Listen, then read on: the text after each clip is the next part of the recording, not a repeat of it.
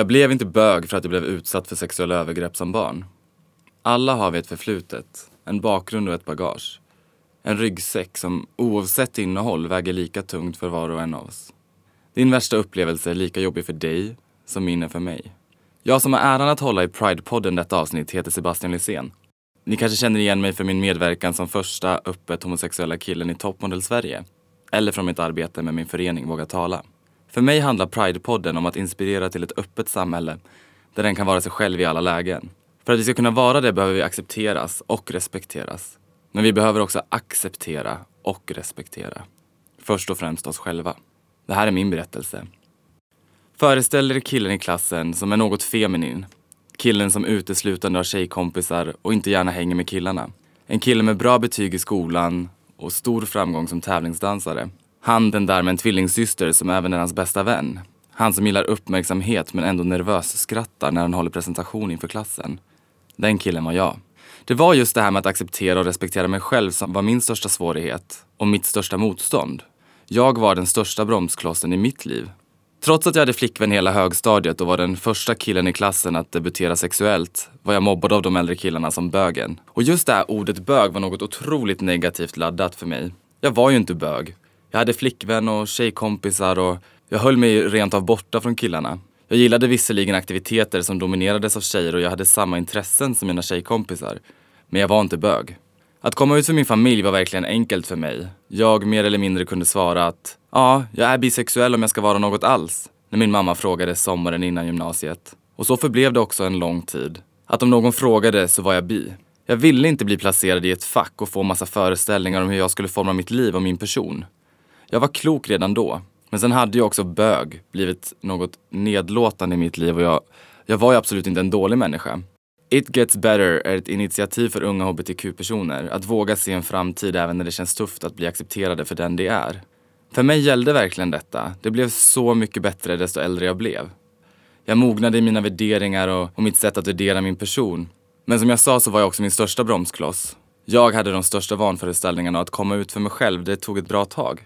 Men så hade vi också det där bagaget som väger olika tungt för oss alla och för mig så hade jag en berättelse som jag hade gömt i massa lögner i så många år. Och den här berättelsen hade också väldigt mycket att göra med vem folk trodde att jag skulle vara om de bara visste. Jag blev sexuellt utnyttjad när jag var 8-9 år och trodde att alla skulle se mig som den stackaren som blev sexuellt utnyttjad så fort jag sa någonting. Jag visste att jag ville göra någonting gott ut efter mina svårigheter i livet men det var svårt att ens prata högt om det och jag tvingade min syster att ljuga under hela högstadiet om varför jag var borta varannan vecka för att gå och prata med min psykolog. Tack vare att jag hade en mamma som var min hjälte så kunde jag få den hjälp som behövdes och långt ifrån alla får detta. Därför startade jag också senare i mitt liv en kampanj som hette Hashtag våga tala. För det var precis det som jag kände att jag aldrig gjorde när jag var ung. Det var ingen som fanns där och sa till mig att vi gör det här tillsammans, nu pratar vi om det. Visserligen min mamma som kom på övergreppen och, och avstyrde dem, men jag hade behövt en förebild, någon som hade vågat innan mig. Jag valde att våga för att bryta tystnad och tabun. För det var just den här tabun om att alla som har blivit utsatta kommer bli pedofiler. Och alla som har blivit utsatta kommer vara bögar. Och de här vanföreställningarna härjade framförallt när jag gick i gymnasiet och jobbade som danslärare på sidan av. Jag lärde alltifrån 4-5-åringar att dansa till höger och vänster och vuxna dansa alltifrån bugg till salsa. Och jag kommer så väl ihåg när jag insåg att om de här föräldrarna till barnen ändå fick nys om att jag hade blivit sexuellt utnyttjad så skulle de tro att jag skulle göra samma sak mot deras barn. Ett öppet samhälle är ett samhälle där vi också ser varandra för den vi är och inte för vem vi gillar eller vilken hudfärg vi har. Och jag kommer ihåg att för mig var det också svårt att förstå.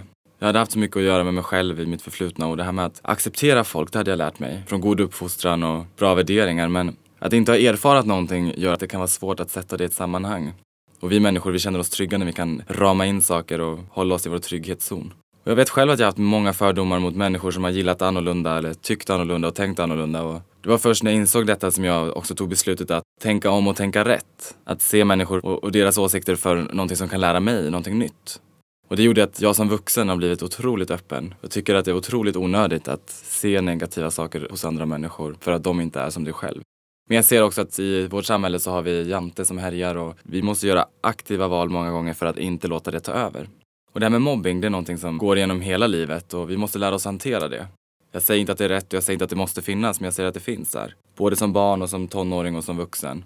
Och de gånger som jag har sagt onödiga saker eller tänkt onödiga tankar så vet jag att det var osäkerheten hos mig själv som talade. Osäkerheten för vad jag har varit med om eller osäkerheten för att jag inte har varit med om. Till exempel när någon kommer från ett land jag inte har besökt eller någon som pratar ett språk jag inte förstår eller vad det nu än har att göra. För att knyta tillbaks till det här med att vara bisexuell och inte vilja bli placerad i ett fack så är det fortfarande någonting jag tror stenhårt på. Jag ville aldrig vara i ett fack. Men efter två år i gymnasiet som bisexuell, ändå hyfsat accepterad för den jag var i skola och familj, så bestämde jag ändå att nej men jag var väl bög. Jag hade suddat bort de största såren från mobbingen i grundskolan och jag kände att jag var ju ändå bara med killar, förutom mina tjejkompisar då förstås. Efter gymnasiet sen så flyttade jag från den småstad jag växte upp i och flyttade till storstaden. Jag flyttade till Stockholm och började röra mig i gaykretsarna, på gayklubbarna och skaffa mer gaykompisar. För i lilla Falun där jag växte upp så var det ännu inte ett överflöd av folk som var öppet gay. Stockholm var en otroligt stort steg för mig i min person. Jag växte som människa och fick utforska. Och jag blev nog vad många skulle kalla för väldigt bögig. Jag hade svårt att ta det ett tag men jag förstod också att det var en del av min process. Jag behövde få vara bögig för att inse vem jag var. Och jag insåg ju att jag inte ville vara min läggning, det var inte min person. Jag var Sebastian och jag gillar killar. Jag behövde en period av att vara extra feminin och extra bögig för att förstå det.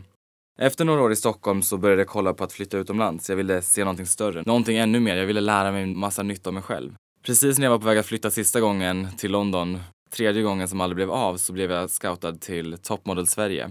Jag skulle bli en av de första sju killarna att stiga in i toppmodellhuset i Sydafrika och tävla om den prestigefyllda vinnarplatsen som modell. Att modella hade varit en dröm för mig ett bra många år och efter dansen så var det modellandet min nya hobby.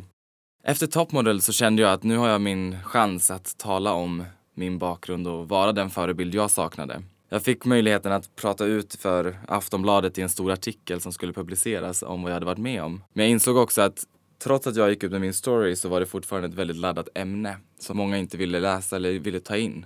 Det var roligare att läsa om Elinor och hennes hudsjukdom psoriasis och det var roligare att läsa om Jennifers mobbing, de andra deltagarna i Top Model, än att jag hade blivit sexuellt utnyttjad. Och det kan ju vara svårt om man inte har varit med om någonting och förstå hur stor del det har av ens liv. Och jag klandrade inte någon för att det var lättare att läsa om mobbing eller så. Men jag insåg också att det är så otroligt mycket tabu att sexuella övergrepp idag finns och det är så vanligt att många också har någon relaterat till sig som har varit utsatt eller varit den som har utsatt. Jag startade då hashtaggen Våga tala för att våga, för att lyfta modet och bryta tabun. Tillsammans med min syster gick jag ut och skapade en hemsida för att hänvisa unga som gamla, utsatta som intresserade till befintliga forum där de kunde få hjälp och stöd och hitta mer information.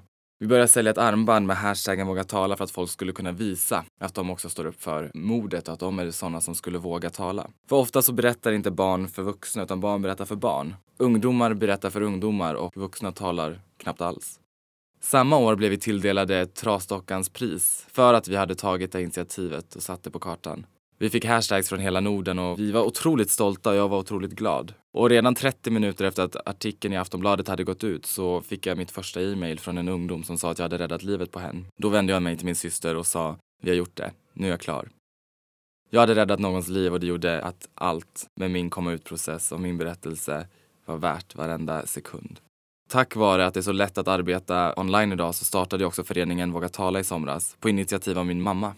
Min mor var en hjälte som ville tala men jag tvingade henne att inte göra det förrän jag var redo. Och nu är jag redo. Hon är redo.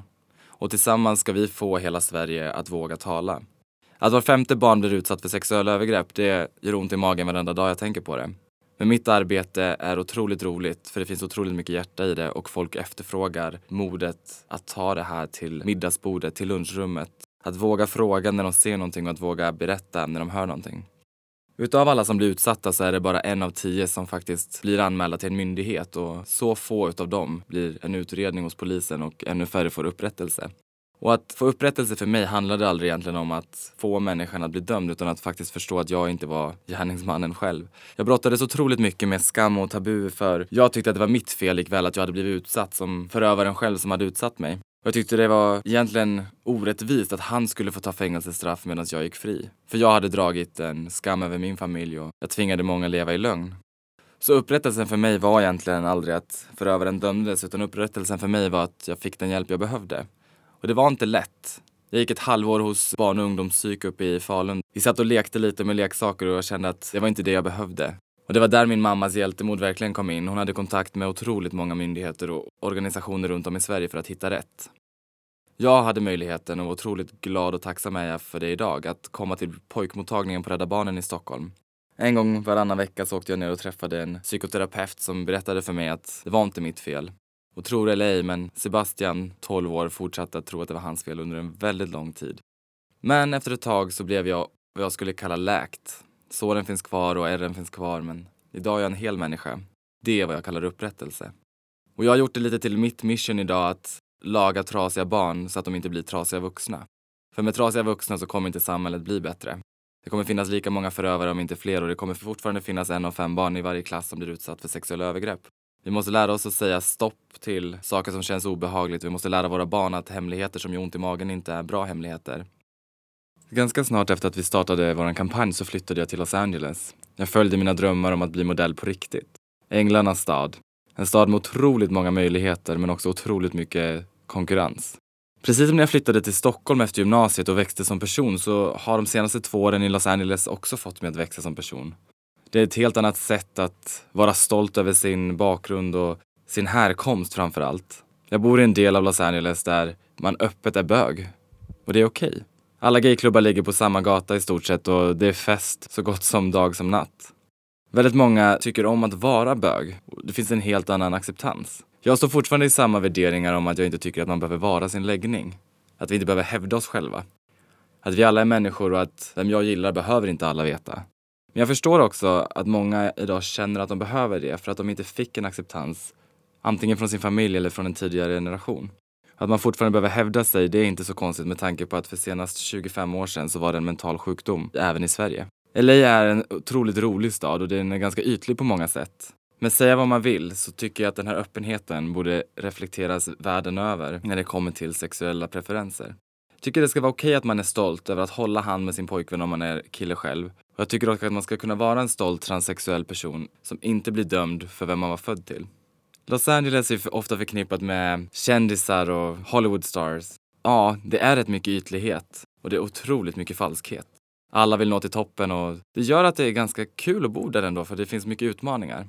Men om jag ska lära mig någonting och någonting som jag kan ta med mig till Sverige, det är att vi ska sluta ha så mycket fördomar. Sluta vara så mycket jante och egentligen bara låta folk vara vem de är. Och trots att det var två och ett halvt år sedan jag gick ut med min berättelse i Aftonbladet och startade kampanjen hashtag våga tala så valde jag också när jag flyttade till Los Angeles att inte fortsätta med det. När min mamma frågade varför jag inte gjorde det så sa jag att den dagen jag är redo är troligtvis den dag jag själv får barn. Den dagen jag inte fokuserar på mina egna drömmar.